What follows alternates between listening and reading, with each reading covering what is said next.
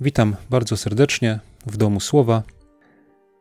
Jakiś czas temu gdzieś tak dosyć mocno poczułem w moim sercu e, i tak chodziło mi to po głowie, że powinienem w Domu Słowa robić też coś, co będzie potrzebne e, ludziom, którzy jeszcze się z Panem Jezusem osobiście nie spotkali.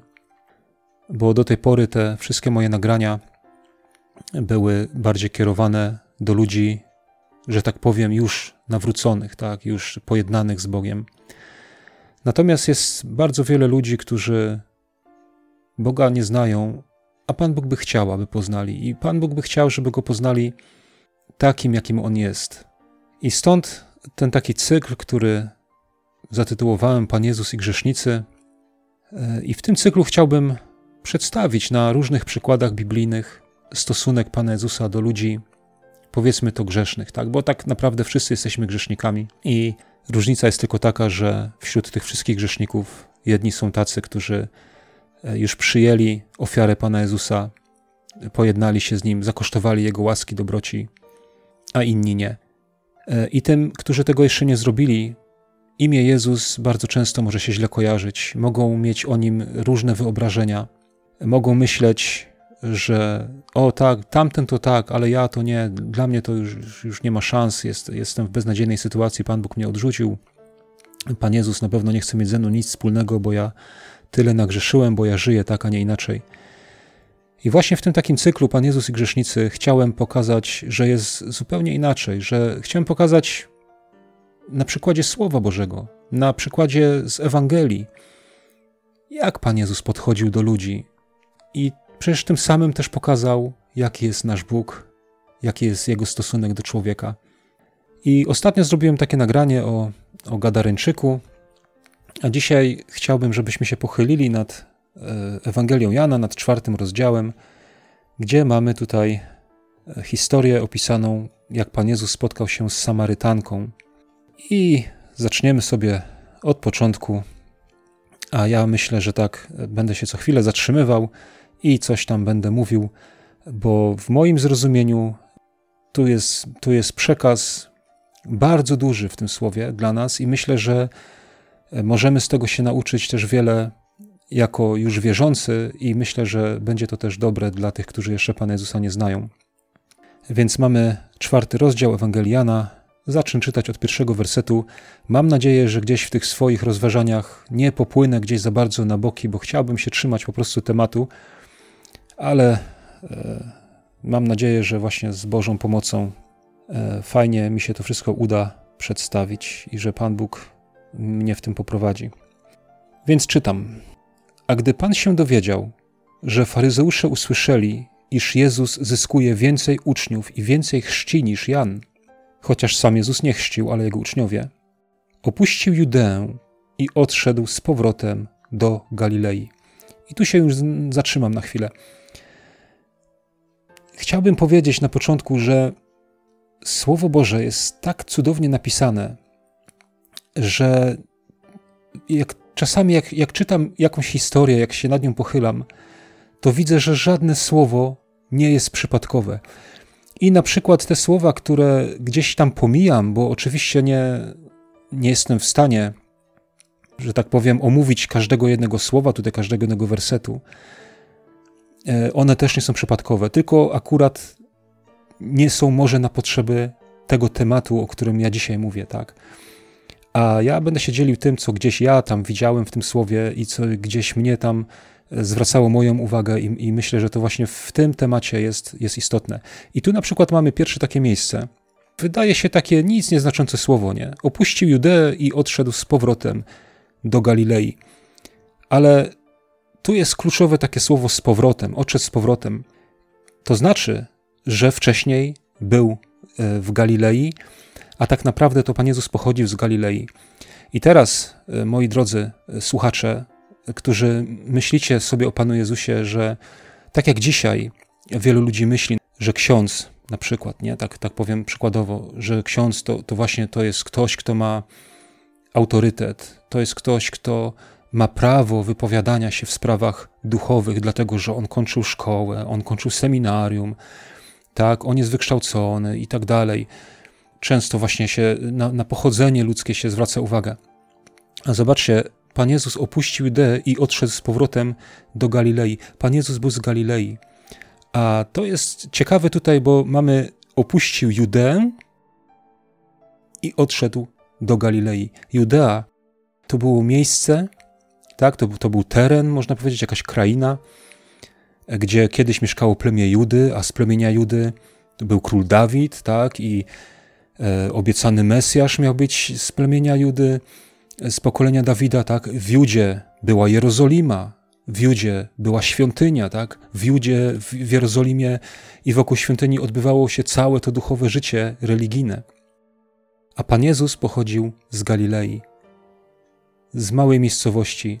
Galilea, y, ziemia wzgardzona przez Judejczyków. Tak? Y, czytamy w innym miejscu Słowa Bożego, że jest napisane Galilea Pogan, dlatego że Galilea gdzieś tam graniczyła już z ziemiami pogańskimi i tam mogło być wymieszanie, tak, że tam y, narody pogańskie żyły w tej Galilei. E, mamy przykład Natanaela, który powiedział, czy z Galilei może być coś dobrego, tak? Więc Pan Jezus pochodził z takiego miejsca i ja nie wiem, e, z jakiego miejsca ty pochodzisz i jak o sobie myślisz, ale jak myślisz, że ty pochodzisz z jakiegoś e, mało znaczącego miejsca, że może z jakiejś wioski, że, e, że twoje urodzenie jest jakieś niskie i tak dalej, że ty nie masz wykształcenia. Przecież Pan Jezus też nie miał wykształcenia. Pan Jezus nie chodził do żadnej szkoły takiej, wiecie, jak faryzeusze na przykład, że oni tam studiowali, oni się uczyli.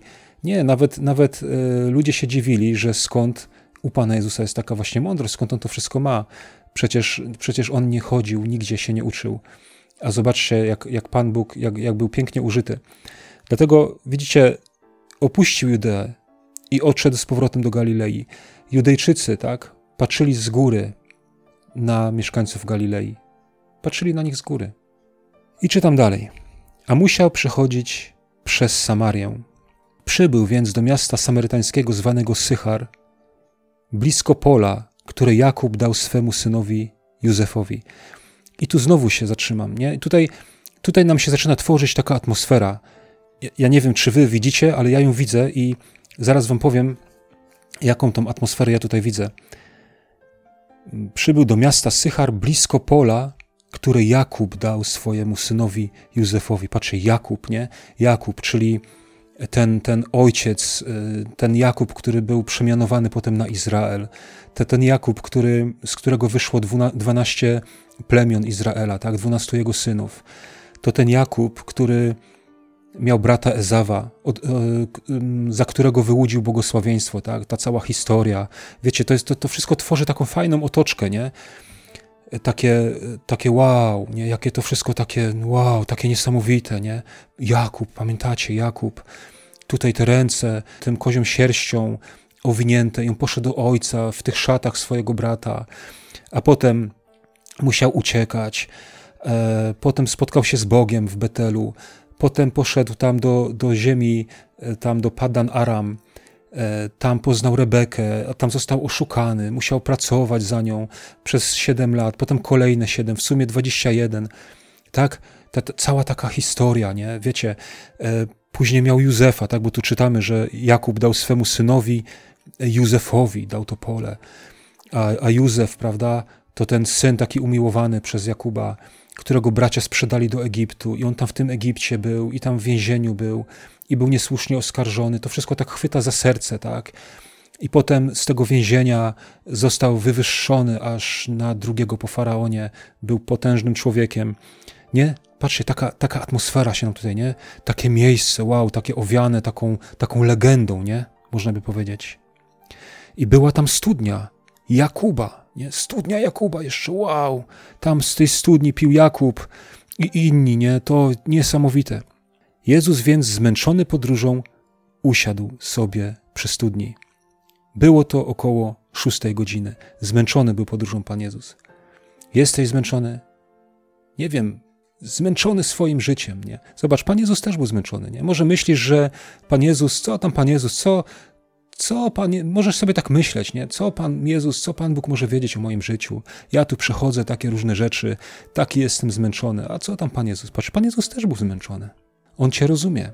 Jest napisane w Słowie Bożym, że Pan Jezus był doświadczony we wszystkim, tak jak my, z wyjątkiem grzechu. On tylko nie zgrzeszył, a tak we wszystkim doświadczony.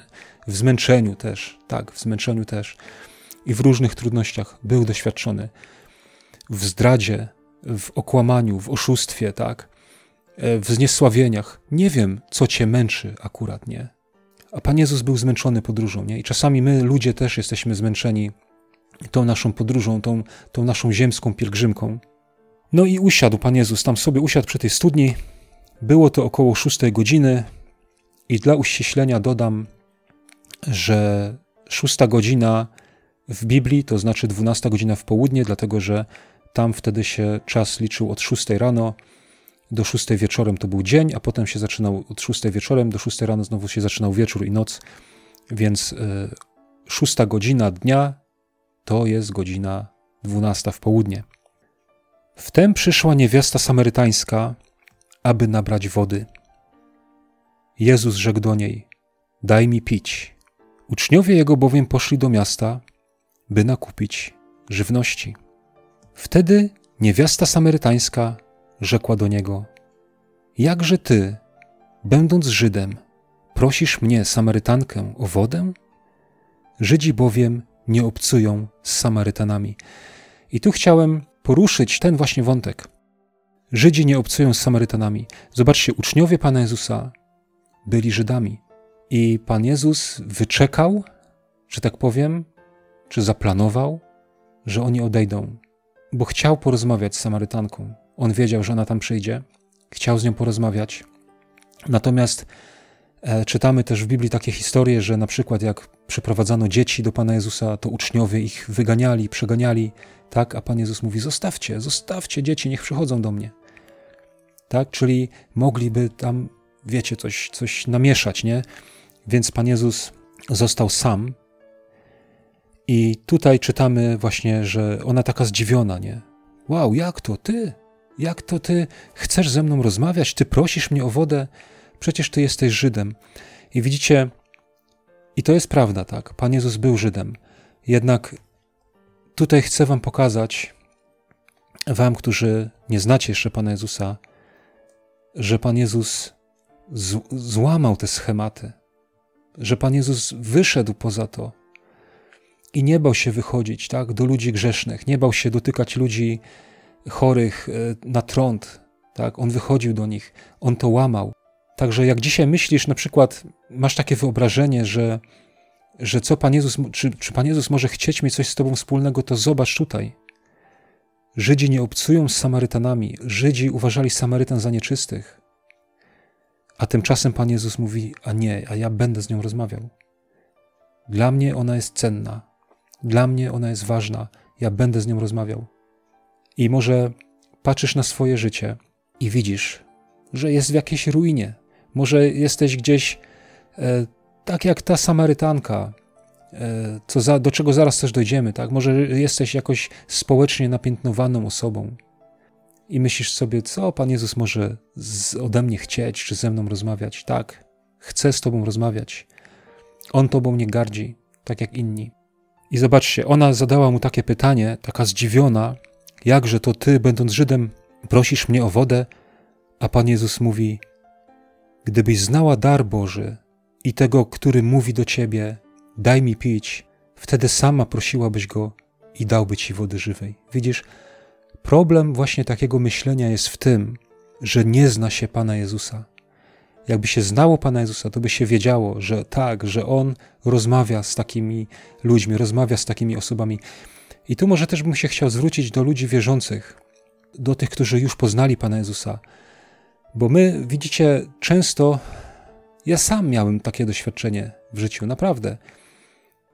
Często jak my poznajemy Boga, jak zaczynamy życie z Nim, jak doświadczamy życia z Nim, i tak na przykład było w moim przypadku. Ja zacząłem patrzeć na ludzi jak na grzeszników i zacząłem od nich stronić. I mówiłem, co ja będę rozmawiał, przecież ci ludzie są nieczyści, a ja tu taki święty. Naprawdę, to, takie miałem myślenie. Dlaczego? Ano dlatego, że ja jeszcze nie znałem wtedy dobrze Pana Jezusa.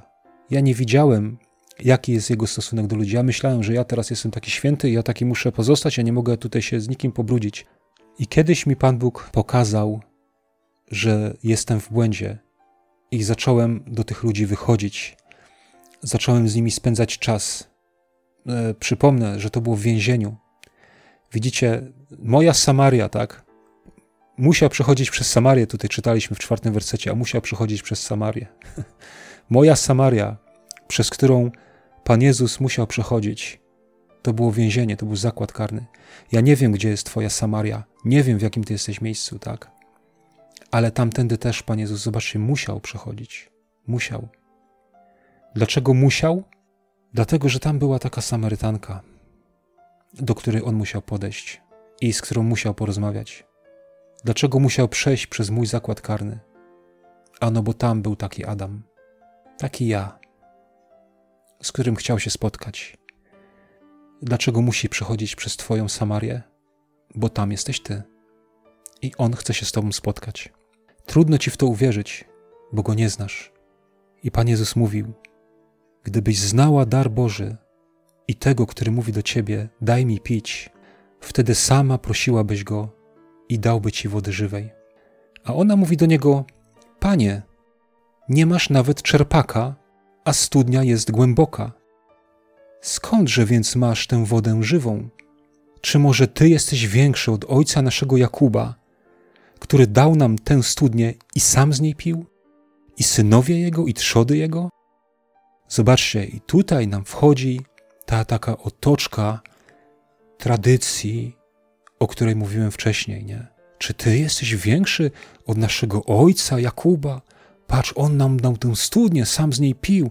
Ta nasza tradycja od wieków na wieki, od pokolenia z pokolenia na pokolenie, tak? My tutaj w tym wyrastaliśmy, my tak w tym musimy żyć, my to musimy robić, tak? Bo, bo to przecież ojcowie, tak? Bo to przecież tam od tylu lat przecież to trwa, nie? I my, my musimy. Czy ty jesteś większy? Tutaj nasza uświęcona tradycja, nasze rytuały. A co tam Pan Jezus? Ojcowie Kościoła a co tam, Pan Jezus, czy Ty jesteś większy? A Pan Jezus jej odpowiedział, mówiąc: Każdy, kto pije tę wodę, znowu pragnąć będzie. Ale kto napije się wody, którą ja mu dam, nie będzie pragnął na wieki, lecz woda, którą ja mu dam, stanie się w nim źródłem wody wytruskującej ku żywotowi wiecznemu. Rzecze do niego niewiasta: Panie, daj mi tej wody, abym nie pragnęła i tu nie przychodziła, by czerpać wodę. I teraz zobaczcie, co przyprowadziło Samarytankę do studni. Ja, jak patrzę na tą historię, to widzę dwa powody. Przyprowadziło ją do studni pragnienie, no bo musi się napić, tak, bo chciało jej się pić. I y, drugi powód taki, dlaczego o takiej porze, nie? I można by powiedzieć, że może właśnie zachciało jej się pić w tym momencie. Nie? I, I zabrakło jej wody i zachciało jej się pić i przyleciała. Ale jest też e, moim zdaniem drugi powód, dlatego że w tamtych czasach na Bliskim Wschodzie, to nawet możemy czytać w Biblii, że kobiety przychodziły czerpać wodę raz, że nie w pojedynkę, ale przeważnie w jakąś gromadą i przychodziły pod wieczór a nie w samo południe, gdzie słońce najbardziej pali. Stąd mój wniosek jest taki, że Samarytanka była właśnie osobą społecznie napiętnowaną, do czego zaraz jeszcze też przejdziemy, a drugie, że była osobą spragnioną, spragnioną i ona przychodziła do studni. I moje pytanie jest takie, czy jesteś spragniony wody? Wiecie, Przypomina mi się historia takiej mojej sąsiadki. Miała trudne życie. Bardzo młodo e, wyszła za mąż. Miała fajnego męża, to, to był mój sąsiad. Fajni, fajni ludzie w ogóle. On był super, bardzo uczynny człowiek. Mieli czworo dzieci i któregoś razu jej męża po wypłacie znaleziono w lesie pobitego na śmierć, tak? Ktoś go tak pobił, okradł i on w wyniku tych, tych ran, tych, tych, tych, tego pobicia umarł. I ona została sama. I z czasem popadła w alkoholizm. Niestety zaczęła pić. E, później zachorowała na raka, e, miała przerzuty. Kiedyś poszedłem ją odwiedzić. Długo jej nie widziałem, tak, bo też byłem. Wi wiadomo, to, to były lata. Ja byłem wtedy dosyć młodym człowiekiem, jak to się stało. Później poszłem swoją drogą, później właśnie też spędziłem czas w więzieniu, potem wyszedłem. Ona właśnie w tym czasie tam zachorowała i, i tak dalej. I kiedy się poszedłem odwiedzić, wziąłem Nowy Testament i poszłem, byliśmy sami i rozmawiałem z nią i na końcu pomodliłem się z nią i ona mówi, jak ja bym chciała mieć taką wiarę jak ty. Widzicie, ona była spragniona i napiętnowana społecznie. Oczywiście tam sąsiedzi, wiecie, no krzywdy jej nie robili, tak, ale, ale wiadomo, no ona, ona w taki stan wpadła, że, że ona twarz miała okrągłą, tak, z tego picia, wątroba już jej wysiadała, trzustka jej wysiadła, tak, ona, buzie, buzia jak piłka, taka, taka okrągła. To takie specyficzne jest dla, dla ludzi, dla, dla alkoholików. Chyba kobiet zwłaszcza, bo wiele e, kobiet tak, tak widziałem właśnie, że, że to od razu poznać, jak taka okrągła twarz, to znaczy, że chyba już tam z wątrobą coś jest nie tak. Ale ona miała pragnienie, miała pragnienie. I widzicie, Samarytanka tutaj też miała pragnienie i przychodziła do studni, ale nic się nie zmieniało. Zobaczcie, Pan Jezus jej mówi: Każdy, kto pije tę wodę, znowu pragnąć będzie. A jaka to była woda? Zobaczcie, jaką wodę piła Samarytanka. Ona piła tą wodę tradycji. Ona piła tą wodę, którą od lat pili i, i ona, i jej przodkowie, i przecież Jakub, i Józef, tak, i, i, i jego owce, i jego trzody, i jego domownicy.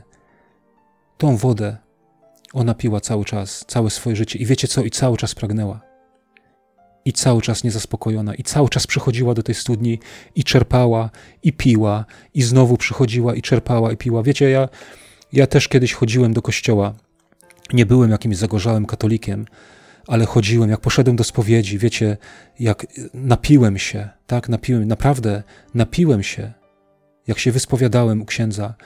Potem szłem, taki się czułem, taki, wiecie, taki, taki uduchowiony, naprawdę, autentycznie.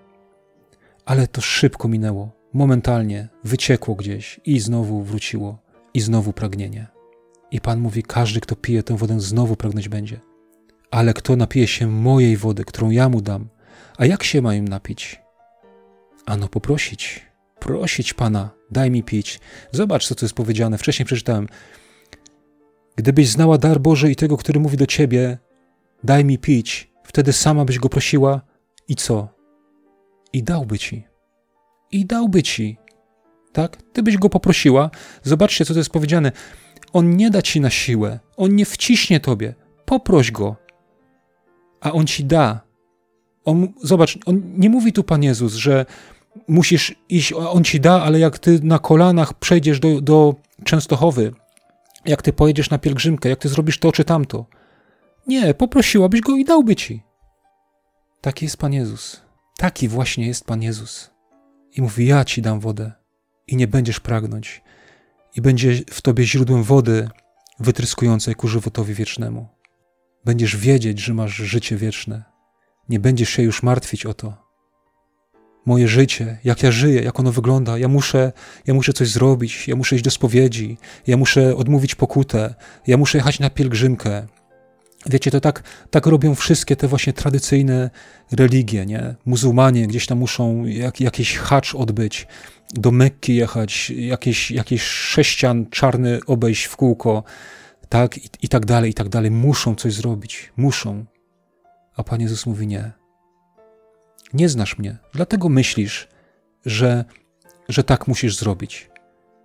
Ale zechcie się poznać ze mną i zobaczysz, poprosisz mnie i dam Ci dar swojego ducha, który Cię będzie prowadził, który Cię będzie uczył, który Cię będzie posilał, który Cię będzie strzegł. I niewiasta mówi do Pana Jezusa: Panie, daj mi tej wody, abym nie pragnęła i tu nie przychodziła, by czerpać wodę. Dobra reakcja. Mówi jej: Idź, zawołaj męża swego i wróć tutaj. Odpowiedziała niewiasta, mówiąc: Nie mam męża. Jezus rzekł do niej: Dobrze powiedziałaś, nie mam męża. Miałaś bowiem pięciu mężów, a ten, którego teraz masz, nie jest twoim mężem. Prawdę powiedziałaś. Rzekła mu niewiasta: Panie, widzę, żeś prorok. Pan Jezus tutaj pokazał jej, że on wie o niej wszystko. Możesz myśleć o sobie, że robisz to czy tamto, że żyjesz tak albo inaczej, że może to jakoś ukryć, yy, ukryjesz przed Panem Bogiem, tak? Albo że to jest jakąś przeszkodą w przyjściu do Niego. Może pomyślisz sobie, że przecież ja żyję w taki sposób, jak Pan, jak Pan Bóg może mnie przyjąć? Muszę najpierw to zmienić. A Pan Jezus mówi: Zobacz, ja wiem o Tobie wszystko. Ja wiem, ja wiem, jak Ty żyjesz. Widzicie, tutaj jest, mamy ten przykład, że miała pięciu mężów, a ten, którego teraz masz, nie jest Twoim mężem. I stąd widzicie, ja, ja tak y, mówię, zresztą nie tylko ja, bo wielu tak, tak mówi, że to był ten powód, dla którego ta niewiasta była społecznie napiętnowana. Ja nie chcę powiedzieć wykluczona, tak, ale, ale napiętnowana może społecznie, dlatego że widzicie, ludzie może na nią patrzyli, obmawiali ją. Wiecie, jak to jest w takich, w takich miejscowościach, nie? Więc musiała iść sama po tą wodę, nie z tymi innymi kobietami. Może się wstydziła, może jej było głupio. W tamtych czasach, wiecie, bo, no bo u nas e, dzisiaj to powiedzieć, że ktoś żyje z kimś bez ślubu, no to jest przecież nic takiego. To, to społecznie nie jest napiętnowane. I, I myślę, że tu nie chodzi tak typowo o, ten, o tą konkretną rzecz, ale, ale ja, ja uważam, że w tamtych czasach to to był naprawdę, naprawdę, że tak powiem, duży, duży powód. Bo zobaczcie, jeszcze u nas, to jeszcze ja pamiętam te czasy, że było nie do pomyślenia, tak, żeby z kimś żyć bez ślubu. To, to, to też się było na językach, tak, z, wokół sąsiadów, tak, i tak dalej. A co dopiero wtedy? I myślę, że to jest tak bardzo wywindowane, tak, tak bardzo wysoko podniesiona poprzeczka, bo być może tak sobie myślę, że w tamtych czasach trudno byłoby znaleźć rzecz e, bardziej godną napiętnowania społecznego niż to. Miała pięciu mężów, a ten, z którym teraz jest, wiecie, nie wiemy, co się stało z jej mężami, nie? Nie wiemy, czy ona się rozwiodła, e, znaczy, czy ona, czy oni ją odprawili, tak? Może mężowie ją odprawiali, może dawali jej list rozwodowy, odrzucali ją, nie? I ktoś może powiedzieć, co to za kobieta, nikt jej nie chce. Może umierali ci mężowie. Nie wiem, to mogli sobie pomyśleć, to ona ich wykańcza, co to za osoba, ona wykańcza swoich mężów. I ten, z którym teraz jest, nie jest mężem. I tu, moi drodzy, tu też jest ważne do podkreślenia, myślę, w tym miejscu, że przynajmniej dla mnie, to, to dla mnie to był taki, taka odpowiedź na, na mój taki kiedyś dylemat, nie? jak ja sobie kiedyś tak przed Panem Bogiem rozważałem, wiecie, bo ja się nie bałem i nie boję się rozważać przed Panem Bogiem różnych kwestii i, i nie boję się zadawać różnych pytań, nawet takich, które się mogą wydawać dla kogoś oczywiste albo głupie. I ja na przykład kiedyś się zastanawiałem i mówię, no, no Panie, jak to jest? Czy jak mam patrzeć na, na osoby, które żyją e, z sobą bez ślubu, tak? Bo oni są, oni śpią z sobą, tak? Współżyją, a przecież jest napisane, że E, mąż połączy się z żoną, tak? E, przez, oczywiście staną się jednym ciałem. I tutaj, między innymi stąd, e, Pan Bóg mi pokazał, że patrzcie, jesteś z nim, ale nie jest Twoim mężem. Tak, żyjesz z nim, ale w oczach Bożych nie jest to Twój mąż i nie można tego tak traktować. I zobaczcie, że to nie było dla Pana Jezusa przeszkodą. Zobaczcie, że nie ona zaczęła rozmowę z Panem Jezusem, nie ona się do niego zwróciła, nie ona na niego czekała, ale on. Ja nie wiem, jak bardzo napiętnowane społecznie jest to, jest Twoje życie. Jest to, co Ty robisz, z czym się zmagasz, jak żyjesz. Nie wiem, ale chcę Ci pokazać, że Pan Jezus o tym wie, że to jest dla Niego wiadome i to nie jest dla Niego przeszkoda, żeby przyjść do Ciebie, żeby zacząć z Tobą relację, żeby zacząć z Tobą rozmawiać. Nie jest to przeszkoda dla Niego. I zobaczcie, że Pan Jezus nie powiedział jej: A teraz idź, uporządkuj swoje życie, a potem możesz do mnie przyjść. Nie, to nie ten kierunek. Pan Jezus mówi: Poprosiłabyś mnie, a ja bym ci dał wody żywej. A wtedy ta woda, dlatego że jest żywa, dlatego że ona ciągle wytryskuje z tego źródła, ciągle jest świeża, ciągle jest nowa. Ta woda, jaką jest Duch Boży, ona cię poprowadzi, ona cię pokieruje i wtedy wszystko się rozwiąże, nie na odwrót. Także chcę ci powiedzieć, jeśli nawet masz życie, że tak powiem, w najgorszym stopniu napiętnowane społecznie, ale masz pragnienie, to proś Pana Jezusa, a On ci da. Naprawdę On ci da. I jeszcze, co niewiasta powiedziała tutaj do Pana Jezusa, rzekła mu: Panie, widzę, żeś prorok. Ojcowie nasi na tej górze oddawali Bogu cześć. Wy zaś mówicie, że w Jerozolimie jest miejsce, gdzie należy Bogu cześć oddawać. Rzekł jej Jezus: Niewiasto, wierz mi, że nadchodzi godzina, kiedy ani na tej górze, ani w Jerozolimie nie będziecie oddawali czci Ojcu. Wy czcicie to, czego nie znacie, my czcimy to, co znamy, bo zbawienie pochodzi od Żydów. Lecz nadchodzi godzina i teraz jest, kiedy prawdziwi czciciele będą oddawali Ojcu cześć w duchu i w prawdzie, bo i Ojciec takich szuka, którzy by Mu tak cześć oddawali. Bóg jest duchem, a ci, którzy Mu cześć oddają, winni Mu ją oddawać w duchu i w prawdzie. Zobaczcie, kolejne starcie z tradycją. Ojcowie nasi na tej górze oddawali Bogu cześć. Wy zaś mówicie, że w Jerozolimie jest miejsce. To tak jakby się ścierały, tak prze, przenosząc to na nasze czasy tutaj dzisiaj, nie? Mamy na przykład kościół ewangelicki, kościół katolicki, albo jakieś, obojętnie jakie, jakie dwa różne wyznania. Ja tak mówię o tych dwóch, bo może one są takie gdzieś najbardziej dominujące w Polsce. Jedni mówią, że to, że to jest najlepsze, a inni mówią, że to jest najlepsze. Tak, każdy mówi, że najlepsze jest to, w czym się wychował, nie? Każdy będzie chwalił to swoje, nie? To jest jedyna prawdziwa wiara, to jest jedyna prawdziwa wiara. I zobaczcie, Pan Jezus mówi: Nie, nie, kobieto, wierz mi, że nadchodzi godzina, że ani na tej górze, ani w Jerozolimie, ani tu, ani tu. I wiecie, i to jest też to, do czego ja dążę i do czego ja zmierzam. Ja nie chcę nikogo przekonywać do jakiegokolwiek wyznania, bo Pan Jezus też tego nie robił. Zobaczcie, jaka ciekawa sprawa. Pan Jezus był Żydem. I zobaczcie, dla, dla Żyda nie do pomyślenia, tak? Nie do pomyślenia, żeby powiedzieć, że w Jerozolimie, oczywiście e, tej Samarytance chodziło o to, że tam jest świątynia w Jerozolimie, nie? Więc więc jak ona mówiła, że wy zaś mówicie, że w Jerozolimie jest miejsce, gdzie należy Bogu cześć oddawać, to znaczy, że tam w Jerozolimie jest ta świątynia i tam należy Bogu cześć oddawać.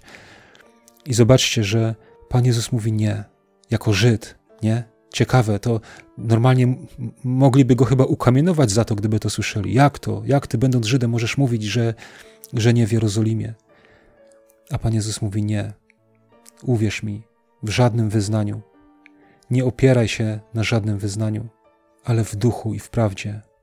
Przyjmij wodę żywą od Boga, od Pana Jezusa i żyj dla Niego, tam gdzie jesteś, w duchu i w prawdzie. Wiecie, wy mówicie, że na tej górze, wy mówicie, że w Jerozolimie, a Pan Jezus mówi nie. W duchu i prawdzie, znaczy codziennie, cały czas. Wiecie, nie jakoś tam, e, że ja pójdę teraz idę, teraz cicho, bo ja idę tam, teraz idę na mszę. E, miałem taką ciotkę, codziennie chodziła e, do kościoła, nie? Ale potem to już nieważne, co robiła, tak? Tylko, że ona nawet dwa razy czasami chodziła.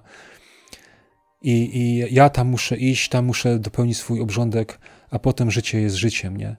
Ale tak nie, Pan Jezus mówi, takich ojciec szuka. Nadchodzi godzina i teraz jest, kiedy prawdziwi czciciele będą oddawali Mu cześć w duchu i w prawdzie, czyli będą tak żyć zawsze, nie w określonym miejscu, o określonej porze, ale przez cały czas, przez całe życie. Rzekła mu niewiasta: Wiem, że przyjdzie Mesjasz, to znaczy Chrystus. Gdy on przyjdzie, wszystko nam oznajmi. Rzekł jej Jezus: Ja, który mówię z Tobą, jestem nim. I myślę, że tutaj w tym miejscu zakończę to rozważanie. Chociaż jeszcze e, teraz e, tak mi się rzuciło tutaj w oko e, werset 28, który mówi, 20, 27 mówi, że w tej właśnie chwili przyszli jego uczniowie i dziwili się, że rozmawiał z niewiastą. Nikt jednak nie rzekł, o co pytasz albo o czym z nią rozmawiasz, a zobaczcie, niewiasta tymczasem pozostawiła swój dzban, pobiegła do miasta i powiedziała ludziom: Chodźcie, zobaczcie człowieka, który powiedział mi wszystko, co uczyniłam. Czy to nie jest Chrystus? Wyszli więc z miasta i przyszli do niego. I zobaczcie, niewiasta tymczasem pozostawiła swój dzban. Mam teraz, wiecie, no Biblię mam przed sobą i, i tu już chciałem zakończyć, a tutaj jeszcze mi się rzuciło w oczy to, że niewiasta właśnie zostawiła swój dzban. Nie? Czyli zobaczcie, przyszła po wodę do studni, do tej starej studni, do starej pod względem, wiecie, no tak jak mówiłem, tej tradycji, tego wszystkiego, tej całej otoczki, nie? I tam spotkała Pana Jezusa i zostawiła swój dzban. Już go nie potrzebowała. Ona powiedziała wcześniej do Pana Jezusa: Daj mi tej wody, abym nie pragnęła i tu nie przychodziła. I zobaczcie, poleciała z powrotem już bez tego dzbanu. Już go zostawiła, już była napojona. Już była napojona wodą żywą, którą może dać tylko Pan Jezus. I zachęcam Ciebie do tego.